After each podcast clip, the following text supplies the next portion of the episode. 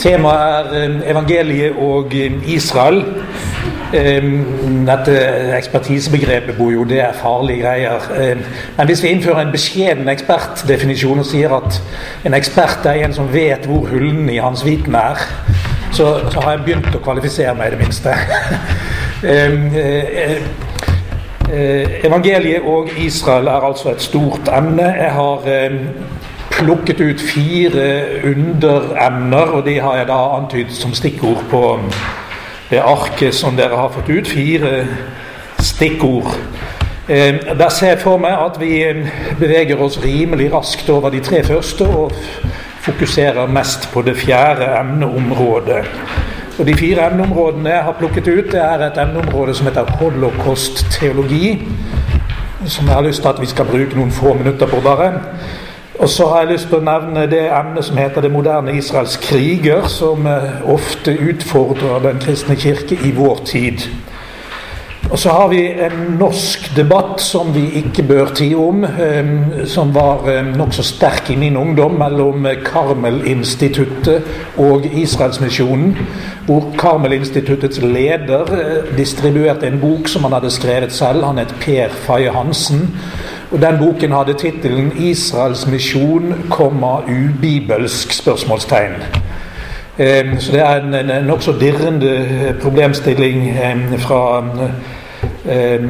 Iallfall fra ungdomstida mi, som, eh, som, ofte utløste heftig temperament. Vi streifer innom det òg.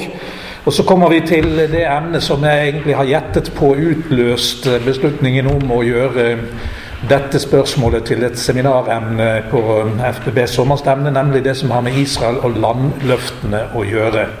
Som er da det jeg ser for meg at vi bruker mest tid på.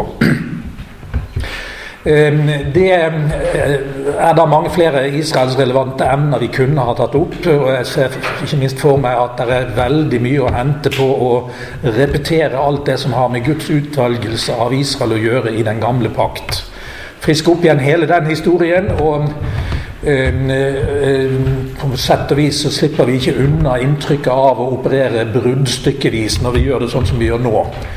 Uh, men det er er likevel uh, Til syvende og sist så er alt sammen vi driver med bruddstykker. Så, så det, fremgår jo av første Korinterbrev at sånn er det med oss. Holocaust-teologi, da begynner vi på det første punktet. Eh, hva er det for noe rart, da? Holocaustium er latin. Eh, eh, det betyr altså brennoffer. Og det er en oversettelse av et uttrykk som på hebraisk heter shoah, som altså er brennofferet i Moseloven. Shoah. Brennofferet er et offer som Gud har innstiftet av, sammen med de andre ofringene i i eh, Mosebøkene. Men så tok man i bruk brennofferterminologien, holocaust-terminologien eller shoah-terminologien om et helt annet brennoffer, nemlig jødeforfølgelsen under Adolf Hitler eh, eh, fra 1933 til 1945, som endte i et fryktelig crescendo i Auschwitz. Eh, etter 1945, etter Hitlers fall, etter at alle nyhetene fra krematoriene i, i eh, eh, jødeutryddelsesleirene ble kjent på alvor over hele verden, og de fryktelige bildene gikk utover verden, så våknet der til bevissthet i Tyskland en eh, strømning i teologien som har fått navnet holocaust-teologi. Og der eh, riktig eh, at den våknet til live nettopp i Tyskland. Eh, hvor eh, bevisstheten om skyld for det som hadde skjedd der, la seg tungt over den kristne kirke. Og Det er altså i Tyskland man særlig har snakket om holocaust-teologi, og i Norge har vi vært forbløffende lite kjent med det. Da jeg var 18 år, i 1965, da tok mor og far meg med til Tyskland på en familietur. Vi satt i den gamle Forden og kjørte nedover på motorveien, og det var naturligvis morsomt for en 18-åring å, å, være med på. Eh, og vi endte opp i Køln, hvor eh, der fant sted noe som het Kirchentag. Kirkedagen. Fem-fire dager i strekk med mange tusen tyske evangeliske kristne som møttes til Eh, menighetsdager er vel det norske uttrykket vi er vant til å bruke. Men det heter altså Kirchentag. Um, og Der var der, husker jeg, en egen seksjon som handlet om holocaust-teologi. Det var slike seminarer som gikk parallelt, akkurat som vi hadde nå. Man kunne velge, og det hører da med til historien at i min familie valgte vi et annet seminar enn holocaust-teologi. Og jeg kan ikke huske at jeg beklaget det den gangen at ikke vi gikk der. Men det var mitt livs første møte med holocaust-teologien, nemlig det er noe som man snakker om i Tyskland på et seminar som vi fra Norge valgte bort. Det, og Stort sett eh, ble det slik med meg i mange år at det ble det jeg visste om holocaust-teologi. Et emne vi hadde valgt bort. Nå er jeg senere år likevel kommet til at det bør vi ikke gjøre. Men på den annen side så er jeg ikke veldig ivrig etter at vi skal lære holocaust-teologi fra Tyskland. For eh, der er den eh, veldig ofte paret med liberal teologi. Tyske skyld, eh, den tyske skyldbyrden etter holocaust har ganske riktig født en berettiget behov for teologisk gjennomtenkning. Hva gjør en kristen kirke når hele folket har pådratt seg en slik skyld? Det er en riktig eh, tanketråd, men når man svarer med utgangspunkt i liberal teologi, så er ikke det sikkert at svaret blir det best tenkelige svaret. Så jeg sier ikke at vi skal dra til Tyskland og lære holocaust-teologi, men jeg sukker litt og sier det var et stort tap at Helge Aarflot, generalsekretær i Israelsmisjonen, døde. For han hadde begynt på en norsk doktoravhandling om holocaust-teologi da hjernesvulsten stanset livet hans eh, brått og brutalt. og Dermed så fikk vi aldri det arbeidet som Helge Aarflot begynte på. Men jeg skulle ønske at noen likevel ville ta opp tråden og gi oss det som da mangler. Så vi kunne få lyse ut et emne til unge potensielle teologiske doktorander, så er her et emne som jeg herlig tilbyr. Eh, men sjøl er jeg for gammel. og jeg har ikke buksebak nok til å sette meg ned og skrive noen doktoravhandling, jeg er redd. Eh, den sliter på de små grå, men den sliter også på buksebaken, har jeg hørt.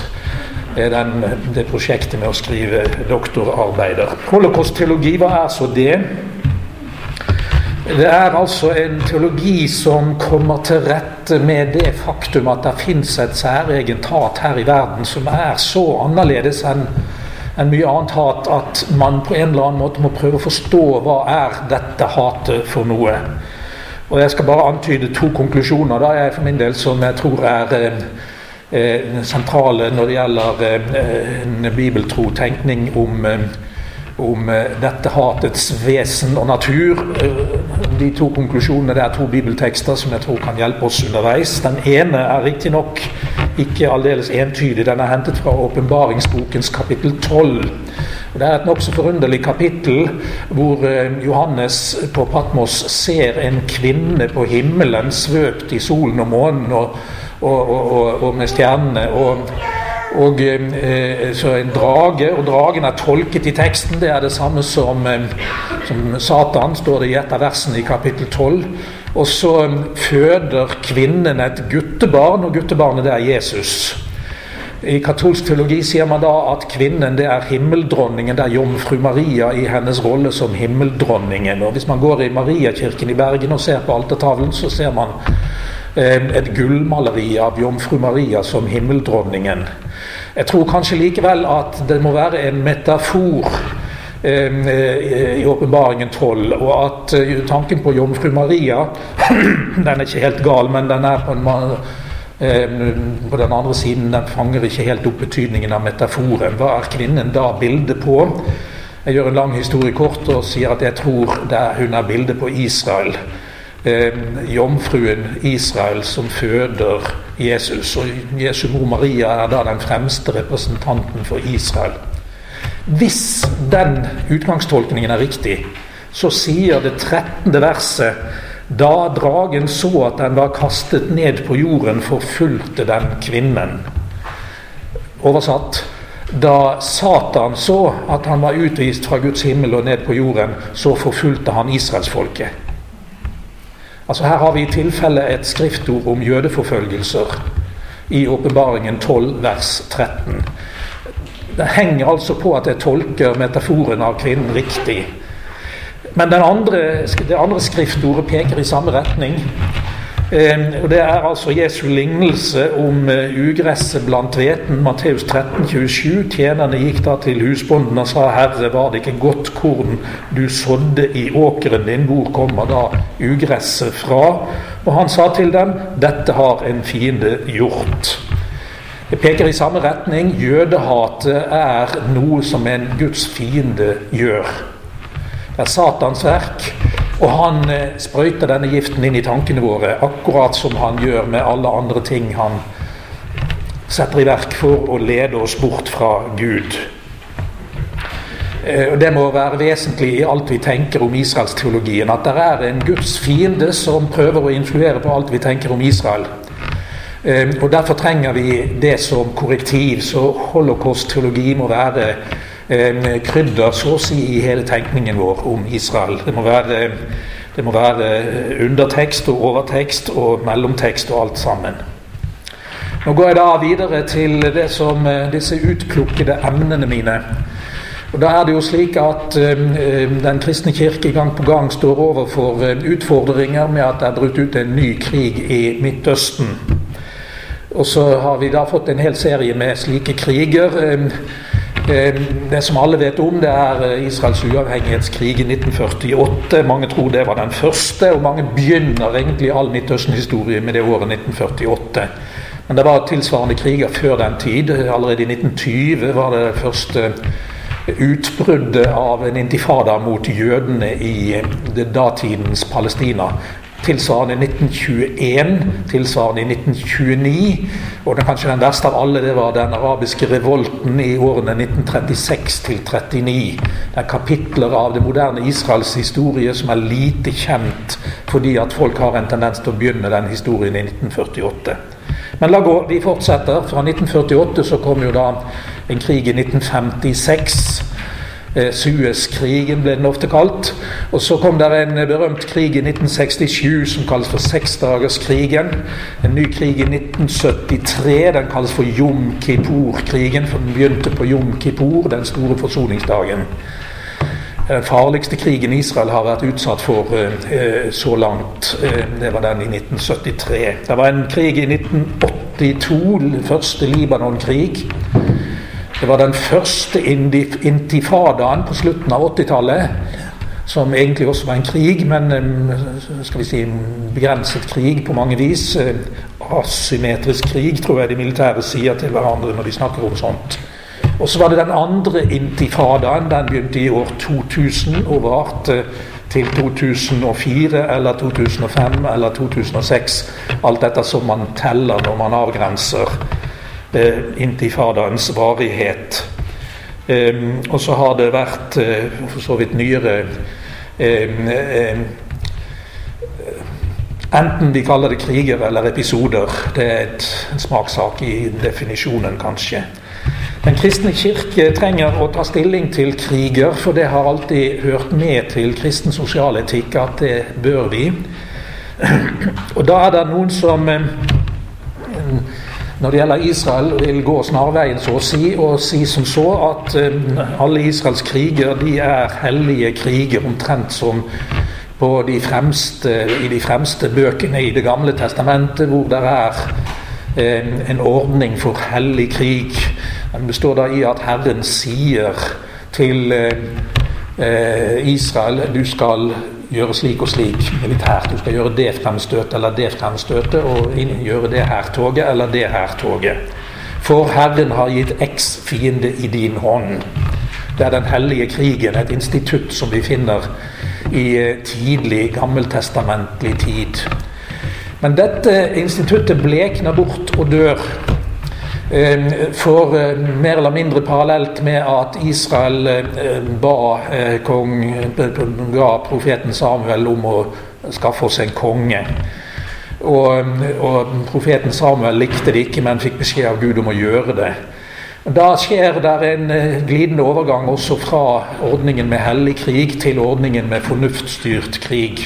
Da blir det kongens oppgave eh, sammen med høvdinger og rådgivere og ta stilling til om det ville være rett og galt, eller galt å gå til krig. Og Denne overgangen eh, var et stort tap for Israel, naturligvis. For ingen kunne tvile på at en krig var rettferdig når det var Gud som hadde gitt befalingen gjennom hellig åpenbaring. Men man kunne i høy grad tvile på om kongen var tenkte fornuftig når han bestemte seg for å gå til krig.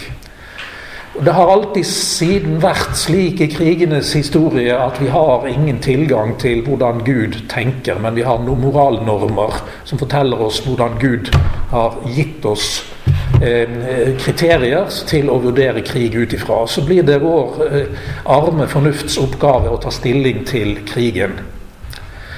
Derfor går man en snarvei. De som nå i det 20. og 21. århundre sier at Israels kriger er hellige kriger fordi at eh, vi har en lang rekke profetier og løfter til Israel om landet, de går dessverre snarveien.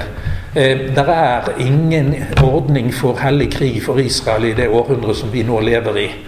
Eh, det har vi ingen rett i Bibelen til å si. Og Derfor trenger vi å avgrense oss mot den tenkningen når vi møter den. Ofte er det eh, langt nede i folkedypet den, den bobler opp, slik at vi kan ikke tillate oss eh, eh, altså det, det, er litt vanskelig å, å, håndtere den, for så vidt. Det er en motsatt grøft òg, som så å si også går en snarvei og sier at palestinerne har, eh, er de opprinnelige innbyggerne, og derfor er alle Israels kriger urettferdige kriger. Rent historisk er det galt, men det er tvert imot eh, en eh, nokså klar, eh, klart, rimelig, rimelig klart bevist informasjonskjede som viser oss at det skjedde en palestina-arabisk innvandring i parallellitet med de arbeidsplassene som, som ble opprettet etter hvert som jøder innvandret i provinsen Palestina. Eh, først mens tyrkerne styrte der, og etter hvert mens britene hadde det som mandatområde.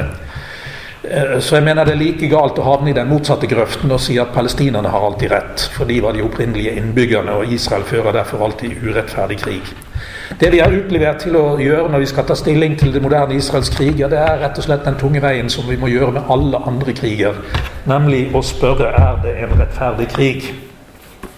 Den beste læreboken i krigsetikk, som jeg vet om akkurat nå. Det er en rimelig ny bok som er utgitt av Nils Terje Lunde og Janne Haaland Matlari. Den heter 'Etikk og militærmakt'. Og Den har tatt opp tråden fra den gamle reformatoriske, men også katolske og augustinske eh, læretradisjonen om rettferdig krig. Justum bellum på latin. Det er et kapittel i denne boken som jeg særlig har lyst til å fremheve, skrevet av Råg Rolfsen kapittel 8, 'Rettferdig krig i vår tid'. Eh, der lærer, repeterer han den gode, gamle distinksjonen som også Augustin og Luther fremhevet når de skrev om dette emnet. En distinksjon mellom rettstilstanden som utløser en krig, altså en uenighet om rett og galt. Det kaller de på latin for jus ad bellum. Rettstilstanden som utløser en krig. Der skal vi sette fingeren. Der skal vi starte våre overveielser om en krig er rettferdig eller urettferdig. F.eks. hvis vi anvender det på annen verdenskrig. Eh, I 1945 ble det sluppet to atombomber over Japan. Men spørsmålet om rett og galt i annen verdenskrig kan ikke starte i 1945. Det må starte i 1939, da krigen brøt ut. Rettstilstanden som utløser krigen. Det er også da den menige soldat har sitt moralske valg. Den 9. april 1940 at en norsk soldat må ta stilling til om det er rett eller galt av meg å bære dette geværet. Det er der eh, samvittighetsanfektelsen melder seg. Det er der vi trenger den sosialetiske veiledningen fra læren, om den rettferdige krig. Det andre motstykket det er det som kalles jus in bello, rettstilstanden underveis i krigen. Det er også et viktig emne, og det er utgitt folkerettskonvensjoner om det. Det og det er lov i krig, og det og det er forbudt i krig. I praksis bryter de ofte det som er forbudt i krig. Men dette er altså et svært kapittel, og det er ingen lettbent sak å trekke konklusjonen om det er rett eller galt. Med den krigen eller den krigen eller den krigen. Og det er tilrådelig å følge kriteriene i den gamle læretradisjonen. Hvem er rett styresmakt til å avgjøre dette spørsmålet? Hvem er, hva er rett årsak til i spørsmålet om krig? Hva er rett intensjon fra de krigførende parter? Er denne krigens siste utvei? Og et vanskelig, kinkig kriterium er det proporsjonalt sett tilrådelig med denne krigen. Det siste er så kinkig å anvende. og eh, Det er det vanskeligste av kriteriene, og kanskje det som, som vi derfor ikke bør være altfor opptatt av om vi greier å balansere riktig. Denne lærtradisjonen er omtalt i bekjennelsesskriftet Augustana, artikkel nummer 16, og jeg har sitert to linjer derfra. Om de borgerlige tingene lærer de lutherske menighetene at lovlige borgerlige ordninger er Guds gode gjerninger. Og så kommer det en opplisting av slike lovlige borgerlige ting som er Guds gode gjerninger. Og I den opplistingen så står det at det er tillatt for kristne å føre rettferdig krig og gjøre militærtjeneste eller soldattjeneste. Jure bellare står det i den latinske versjonen. Så står det komma, og så står det militare. Og Der er ikke latin verre enn at alle hører at det har noe med det militære å gjøre. Jeg bare antydet det store emnet.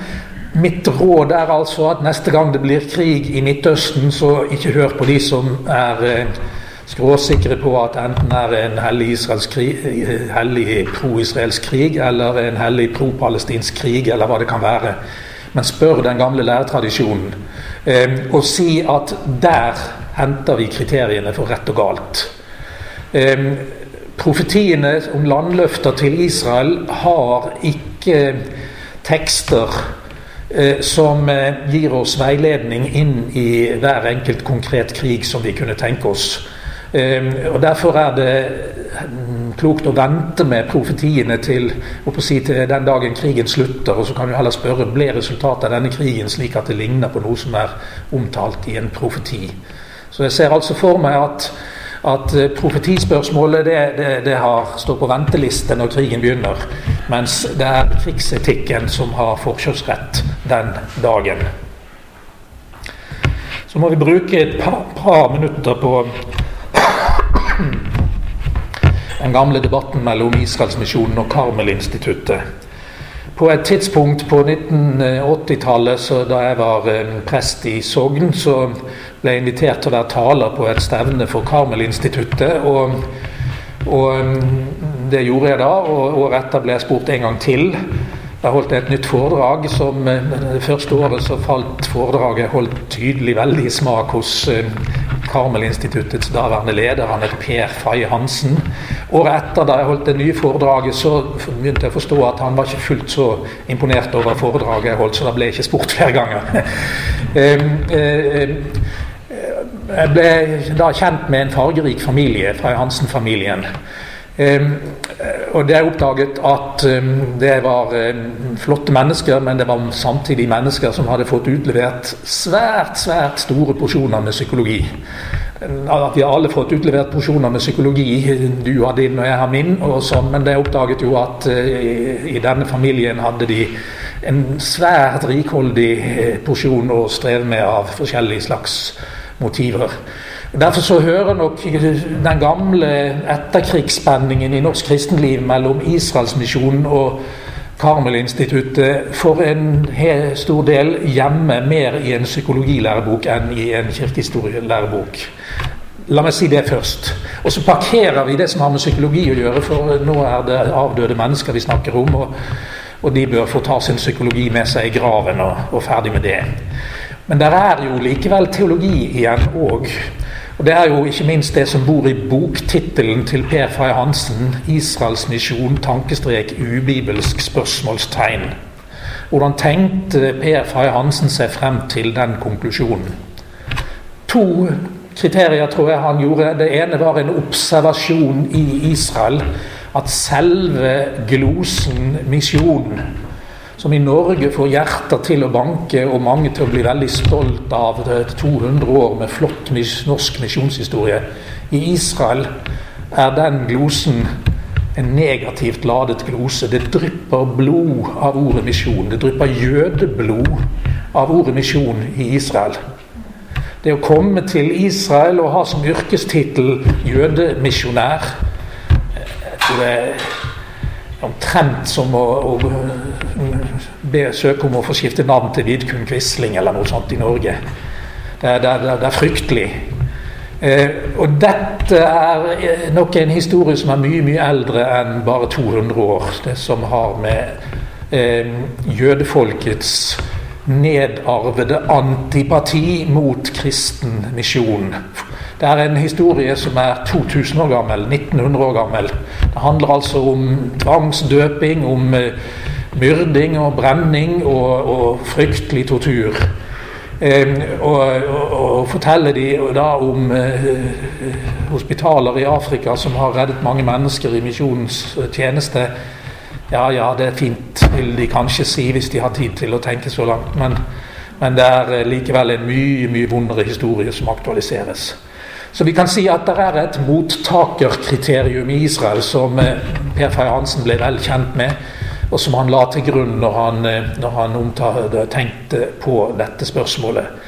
Eh, og det er mottakerkriteriet, Om det er mottakerkriteriet, så må vi si at det er en korrekt observasjon i resonnementskjeden hans.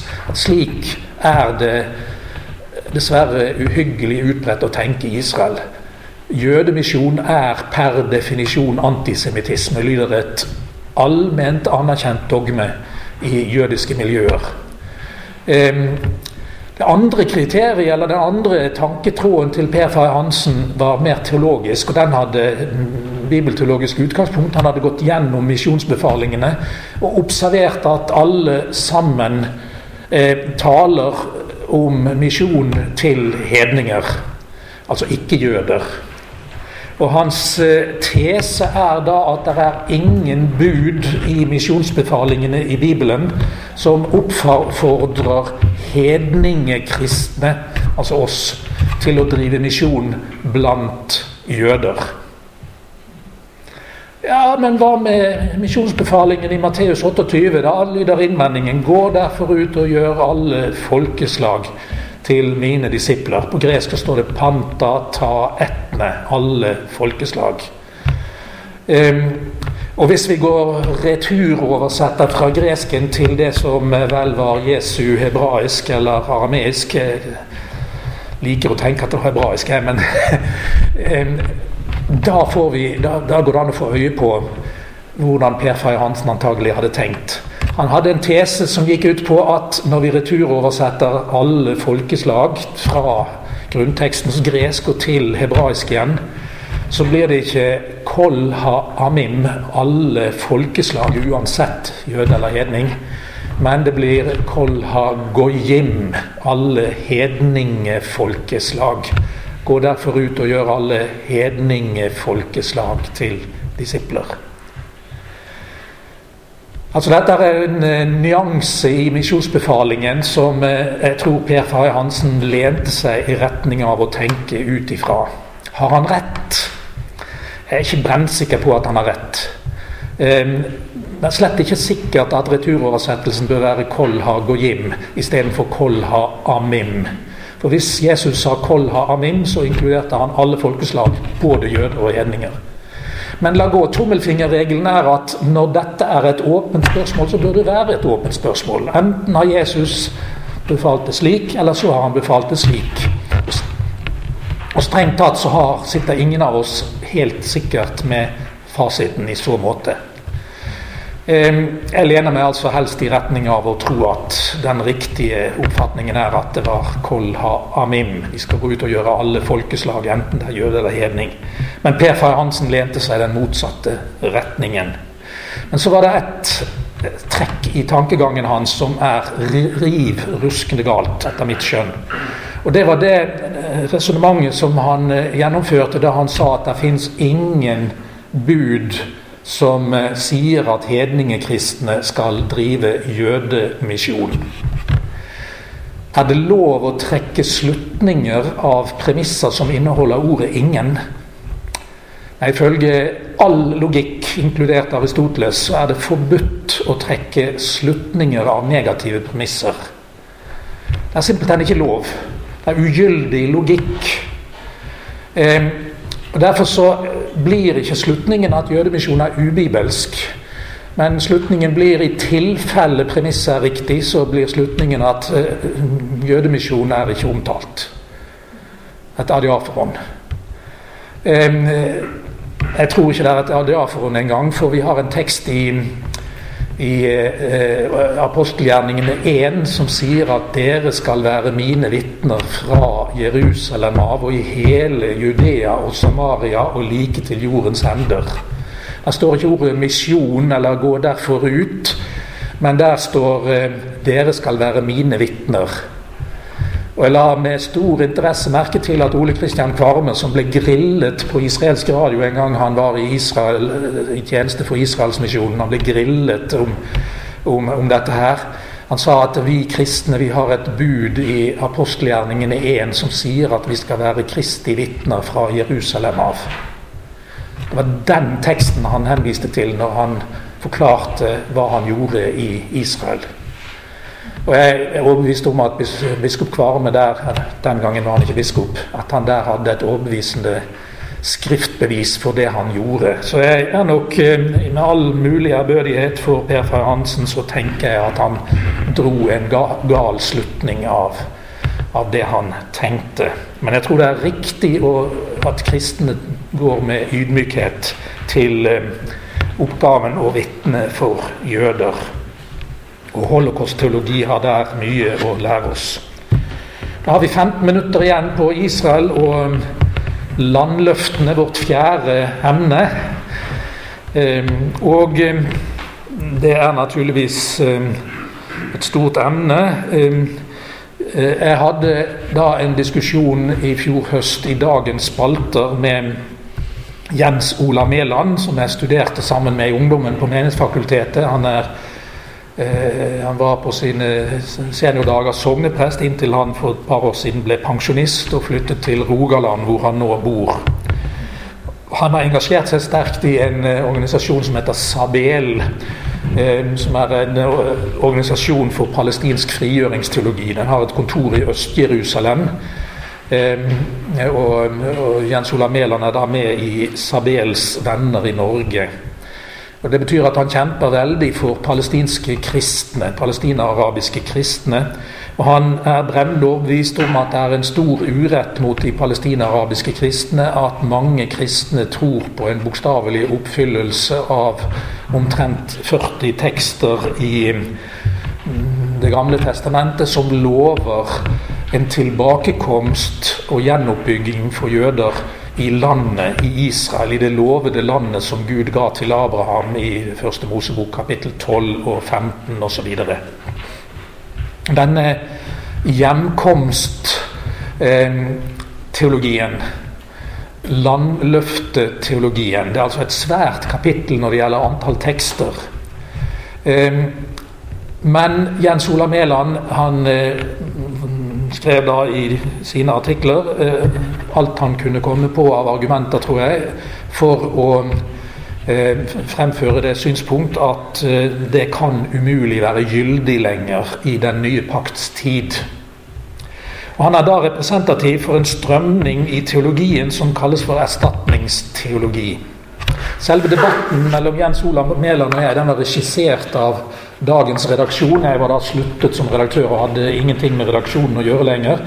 Men de bestilte tre kronikker av meg i debatt med Jens Ola Mæland. Og de bestilte tre kronikker av han. Og så når alt var skrevet, alle seks kronikkene han og jeg hadde sendt frem og tilbake eh, hver våre eh, manuskripter, så trykket redaksjonen alle seks eh, to per uke i tre uker i strekk, slik at leserne fikk en forhåndsbestilt forhåndsregissert debatt om landløftene.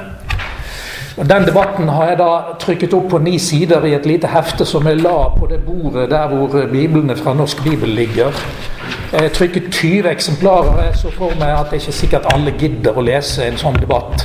Men noen har kanskje lyst til å lese den, og vel bekomme. Det, som alle debatter så vil du både glede deg og mistrives her og der nedover i spaltene når du leser en debatt. Men jakt på argumentene på begge sider. Det er mitt rådet mitt hvis du vil gi deg i kast med å lese den debatten. Så den som vil, kan forsyne seg av det opptrykket. Denne debatten mellom Jens Ola Mæland og meg den, eh, den, er eksempel på en debatt som eh, har dukket opp jevnlig. Selve kategorien erstatningsteologi den er jo selvfølgelig selvforklarende. Eh, ordet erstatning sier egentlig hva det dreier seg om. Eh, eh, den, det er rett og slett en tankeoperasjon hvor man har et sett briller som man tar på seg mens man leser tekster med geografiske landløfter til Israel. Og så leser man ordlyden. Der står det sånn og sånn og sånn om landet som Israel skal få eller få vende tilbake til den dagen Herren bestemmer seg. Men med de erstatningsteologiske brillene på, så gjør man en lynrask snuoperasjon i det man leser teksten, slik at budskapet man henter ut av ordlyden, blir noe annet enn det, den geografien som står i selve teksten. Ordet 'erstatning' beskriver da eh, den eh, tolkningsoperasjonen. Og det erstatningsteologiske grepet er på plass i teologihistorien med, i og med kirkefader Augustin på 400-tallet. Eh, og dominerte fullstendig i kristen teologi fra 400-tallet og eh, frem til 1580 hvis vi er kalvinister, og frem til 1675 hvis vi er lutheranere, for å bruke to, eh, to årstall som som byr seg da ut av denne historien. Det handler altså om en tankeprosess hvor vi sier som så at i Det nye testamentet og i den nye pakt så må vi erstatte alle løfter til Israel med løfter til Kirken. Vi må forstå det åndelig, eller vi må, vi må nyinterpretere. Det er et ord som vi ofte møter i samtaler om erstatningsteologi. Eh, vi må nyinterpretere de gamle tekstene, for i den nye pakt så er geografigrensene sprengt. Man ser ofte for seg at det skjer en utvidelse i det man nyinterpreterer. Eh, da er man ikke så å si avgrenset til landet, men da, da blir det et globalt perspektiv. Så det er en, en sterk følelse innenfor erstatningsteologien av å gjøre noe grensesprengende, utvidende i det man utfører erstatningsoperasjonen som man gjennomfører på tekstene. Det jeg da sa til Jens Ola Mæland, er at jeg tester posisjonen din med utgangspunkt i om du kan bevise ut fra Skriften at vi skal gjøre en slik erstatningsoperasjon.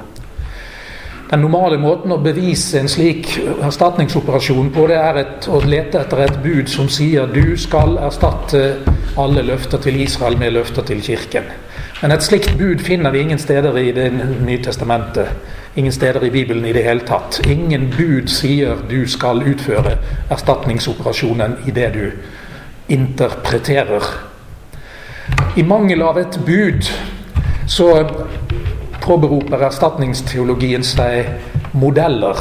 Det er modeller for slik erstatning, sier man, i Bibelens egen behandling av de gamle løftene.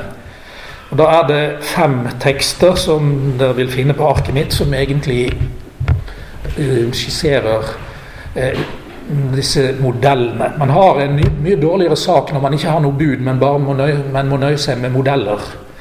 Um, da, da, starter man så å si debatten med et handikap, og det mener jeg jo at Jens Ola Mæland gjorde.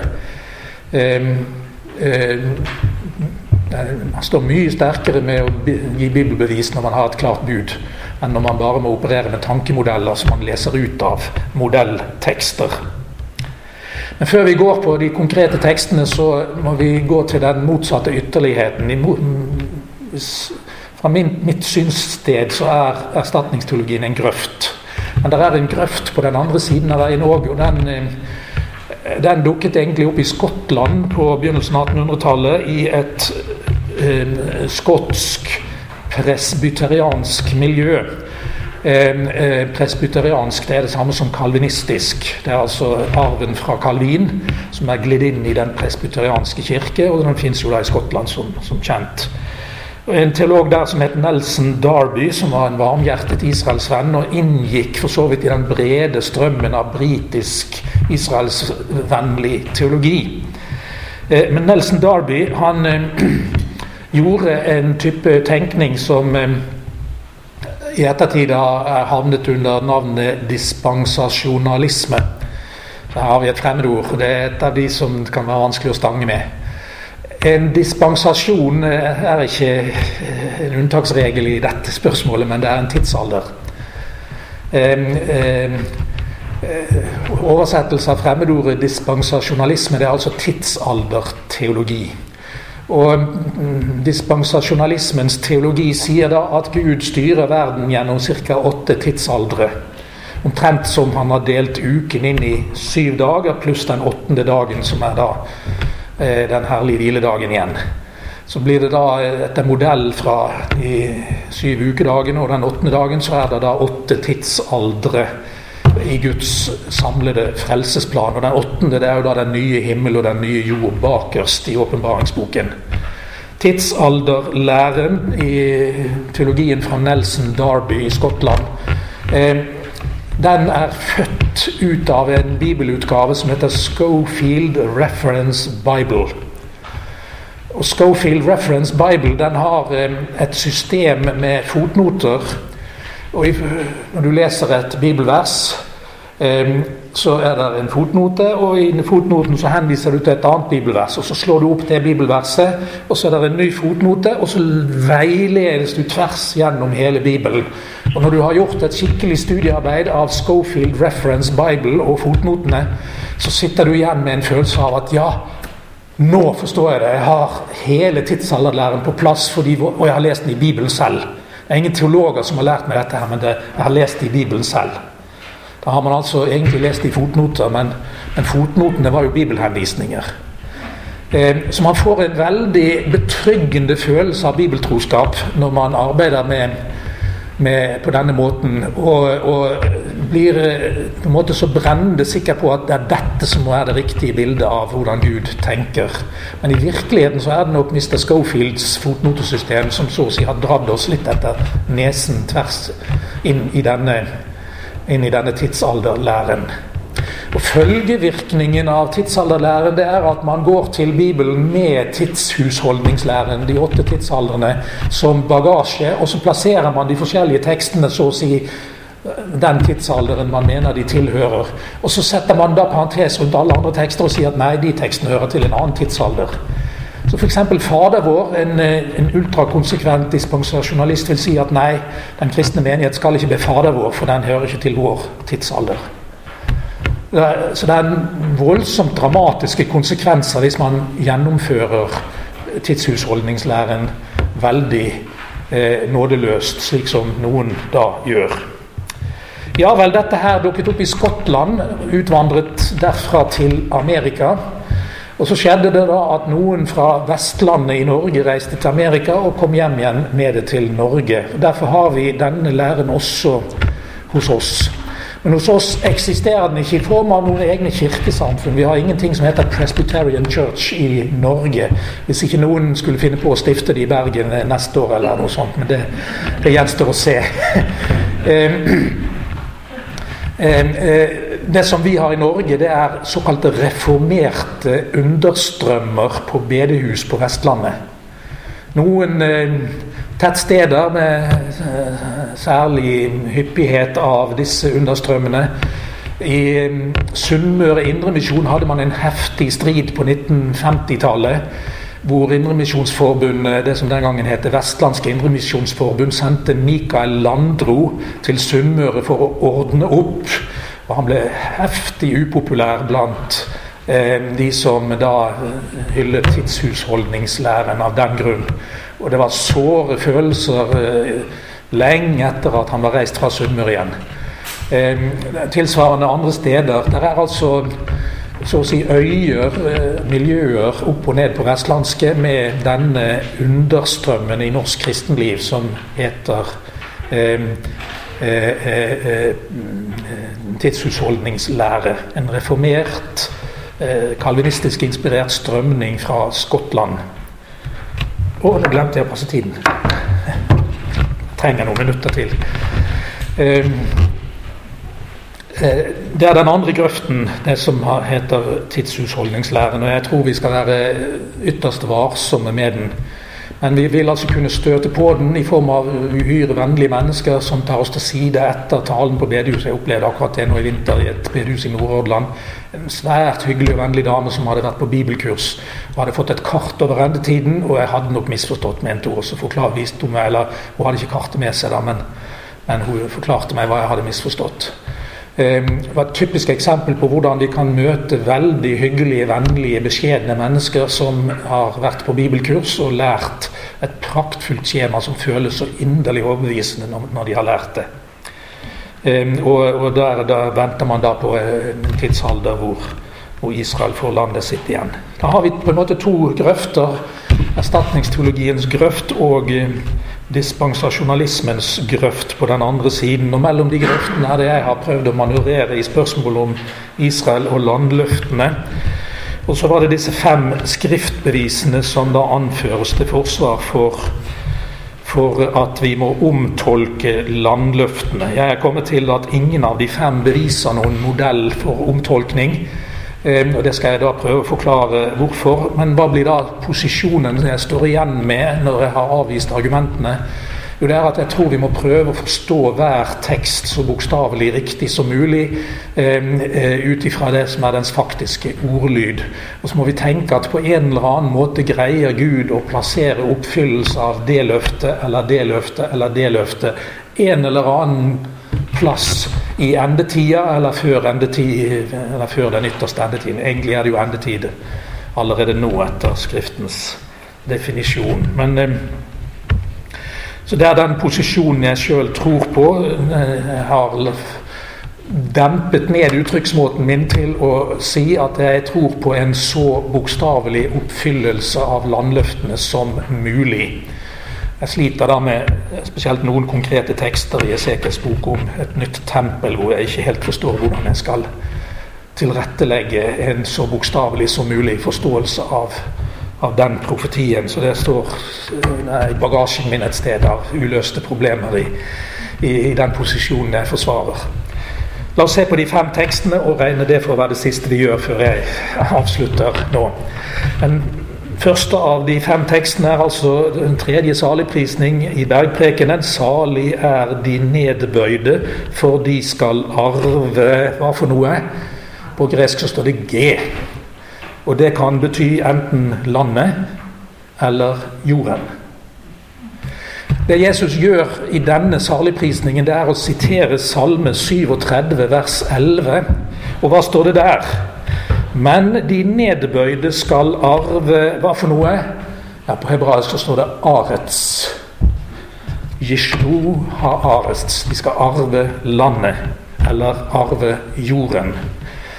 Når eh, det hebraiske utgaven av Salme 37 ble oversatt til gresk i Alexandria et par hundre år før Kristi fødsel, så trengte de et gresk ord som kunne motsvare arets i Salme 37, 11 enten landet eller jorden. Og da tok de det greske ordet 'g', som altså står i bergprekenens grunntekst.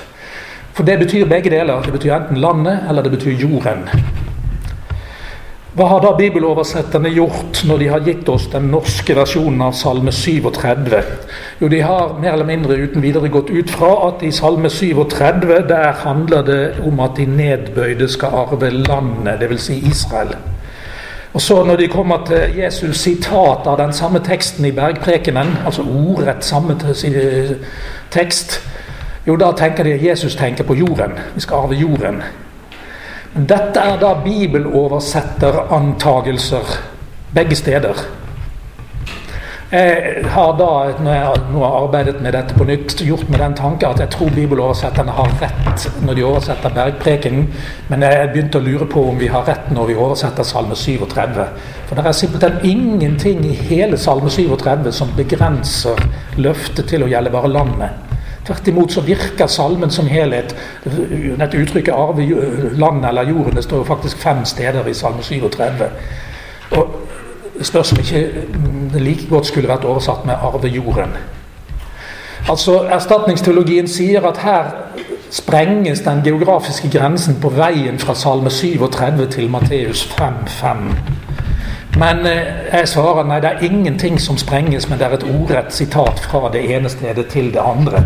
Det er ingen modell for erstatningsteologisk interpretasjon i Salme 37-Matteus 5.5. Og Hvis vi nå da går raskt videre til Efeserbrevet 6.2, hvor Paulus siterer budet om å hedre mor og far, så er det akkurat det samme fenomenet som er ute og går der. Da siterer han andre Mosebok 2012. Hedre din mor og din far, så dagene dine må bli mange i det landet. Her står det eh, på den landjorden ha Adama. Så det er ikke Arets, men det er ha Adama i, i andre Mosebok 20. Men det betyr i sak det samme. Det er landet. Det er et landløfte i foreldrebudet. Og det er klart det at Når foreldrebudet er gitt til Israel i den gamle pakt, så handler det om landet som Israel er blitt lovet. Du skal hedre mor og far slik at dagene dine i landet må bli mange, at landløftet må bli oppfylt. Og Så siterer Paulus det i Efeserbrevet 6,2. Hedre din mor og uh, hedre din far og din mor, det er det første av budene som det er knyttet løfte til for at det må gå deg godt, og du må leve lenge i landet. Og Paulus han bruker det flertydige ordet epitesges på enten, enten i landet eller på jorden. Og Dermed så trekker jeg den konklusjonen at heller ikke her er det noe eksempel på en grensesprengende, territoriesprengende erstatningsteologisk omtolkning, men det er simpelthen et sitat som har vandret fra hebraisk til gresk og er kommet til oss på norsk. Så går vi til to steder i apostlenes gjerninger. Apostelgjerningene 1.6. Det er på Kristi himmelfartsdag. De som nå var kommet sammen, spurte ham og sa, Herre, er det på den tiden du vil gjenreise riket for Israel? Hvorfor spør de om det? Eh, jo, han hadde i to vers lenger fremme lovet de at han skulle gi dem en eh, særegen gave som han hadde lovet. Og vi vet at det Jesus da hadde lovet de, det var oppfyllelsen på pinsedag av løftet om Den hellige ånd. Dette skjer da ti dager før pinse. Eh, og de spør Herre, er det på den tiden du vil gjenreise riket for Israel? Altså Ordlyden i spørsmålet deres Herre, er det på pinsedag om ti dager at du vil gjenreise riket for Israel? Det er egentlig det som er ordlyden i spørsmålet de stiller til Jesus. Og så svarer Jesus det som vi ser der. Han sa til dem det er ikke deres sak å vite tider eller timer som Faderen har fastsatt av sin egen makt. Han sier erstatningsteologien her ser vi hvordan Jesus avviser spørsmålet om riket for Israel. Det er uaktuelt i den nye pakt. Vi må erstatte eh, de gamle løftene til Israel med løfter til Kirken. Men min innvending er at nei, det er ikke det som står i teksten, men det Jesus sier, det er at det er ikke deres sak å vite tider og timer. Altså, jeg kan ikke svare det, det, det ikke, Dere skal ikke vite noen ting om hvorvidt det er ti dager til, til riket for Israel kommer, eller kanskje to eller tre eller 4000 år til det kommer. Men eh, det bestemmer Gud i sin egen suverenitet. Det er ikke deres sak å vite tider eller timer. Jeg er tvert imot tilbøyelig til å tenke at her bryter erstatningsteologen Jesu ord. For den erstatningsteologene vil ha en tendens til å si at ja, men jeg vet tid og time, jeg. For Jesus opprettet riket for Israel da han døde på korset. Riket for Israel er det samme som frelse og salighet, vil erstatningsteologien si. Jeg sier nei, ordlyden sier det er ikke deres sak å vite tider eller timer.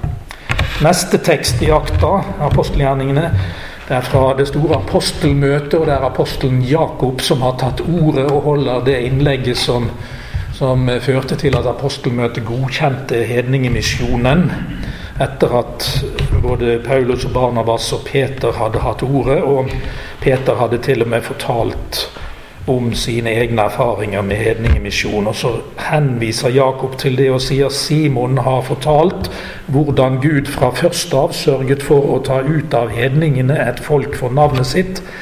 Og Med det stemmer profetens ord overens, som det står skrevet, og så kommer et sitat. Jeg har med vilje satt inn anførselstegn da, på det sitatet.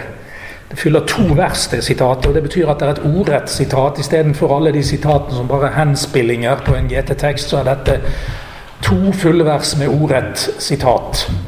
Hva er det sitat fra? Jo, det er sitat fra Amos 9,11.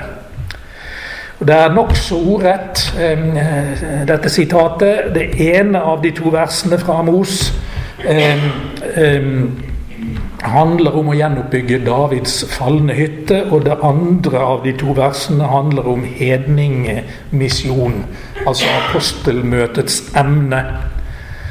Eh, og Jeg er nokså overbevist om at Jakob, da han siterte dette skriftbeviset, så siterte han det for å vise at eh, Gud har ikke bare planlagt å gjenreise Davids falne hytte, det som vi jøder er opptatt av, gjenreise riket for Israel. Men Gud har en plan for hedningemisjon òg. Det som eh, de har fortalt oss om hedningemisjon, det stemmer med det som Amos sa i profetien sin. Det er Jakobs poeng. Vi leser sitatet. Deretter vil jeg vende tilbake og igjen bygge opp Davids falne hytte. Det nedbrutte av den vil jeg bygge opp, og jeg vil gjenreise den. Og så er det en viktig konjunksjon både på hebraisk og i sitatet på gresk, for at resten av menneskene skal søke Herren. Ja, alle hedningefolkene som navnet mitt er blitt nevnt over. Så sier Herren, han som gjør dette. Slik siterer Jakob skriftordet i talen sin, og ordlyden fra originalen står altså i Amos 9,11. På den dagen vil jeg reise opp igjen Davids falne hytte. Jeg vil mure igjen dens revner og reise opp det som er nedbrutt av den. Jeg vil bygge den opp igjen som i gamle dager, slik at de får ta i eie det som er tilbake av Edom her er det noe med hebraiske konsonanter og vokaler som har spilt en rolle på veien fra hebraisk til gresk, men jeg går ikke inn på det. Og alle de hedningefolkene som kalles ved mitt navn, sier Herren, Han som gjør dette. Stikkordet her er Davids falne hytte. Ordet for hytte det er ordet for løvhytte, sukkah. Hva er Davids falne sukkah, Davids falne løvhytte? Beskjed, en beskjeden bygning som bygges i forbindelse med løvhyttefesten, og deretter rives ned en uke senere når løvhyttefesten er ferdig. Det er symbol, naturligvis. Den er symbol på Davids kongerike. Dette riket som falt i løpet av Det gamle testamentets tid. Gud sier 'Jeg vil gjenreise Davids falne løvhytte'.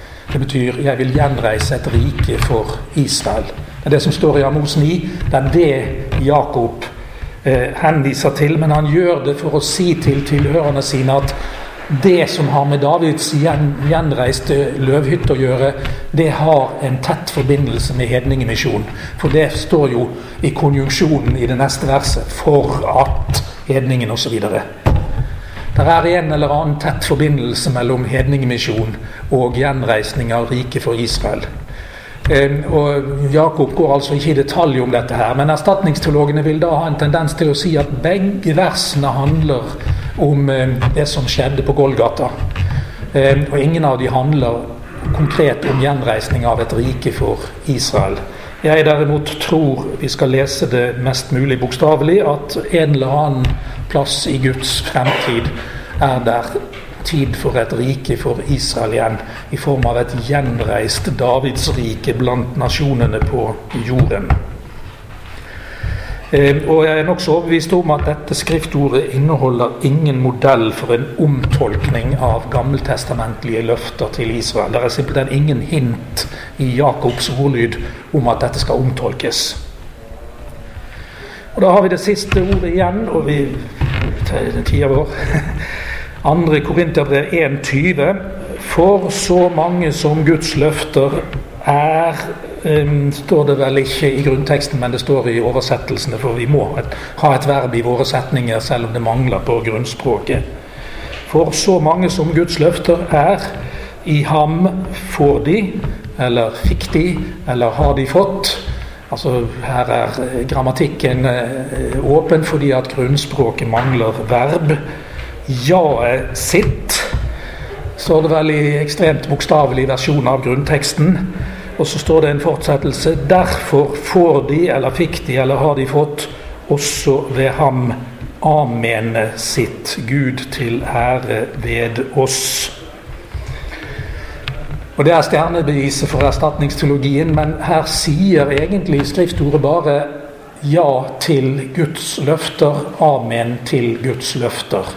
Ingen unntak for de løftene som har geografisk innhold, og som er landløfter. Det er simpelthen ingen modell for en omtolkning heller ikke i dette skriftordet. Den naturlige måten å lese det på er tvert imot at her sier Det nye testamentet ja og amen også til landløftene.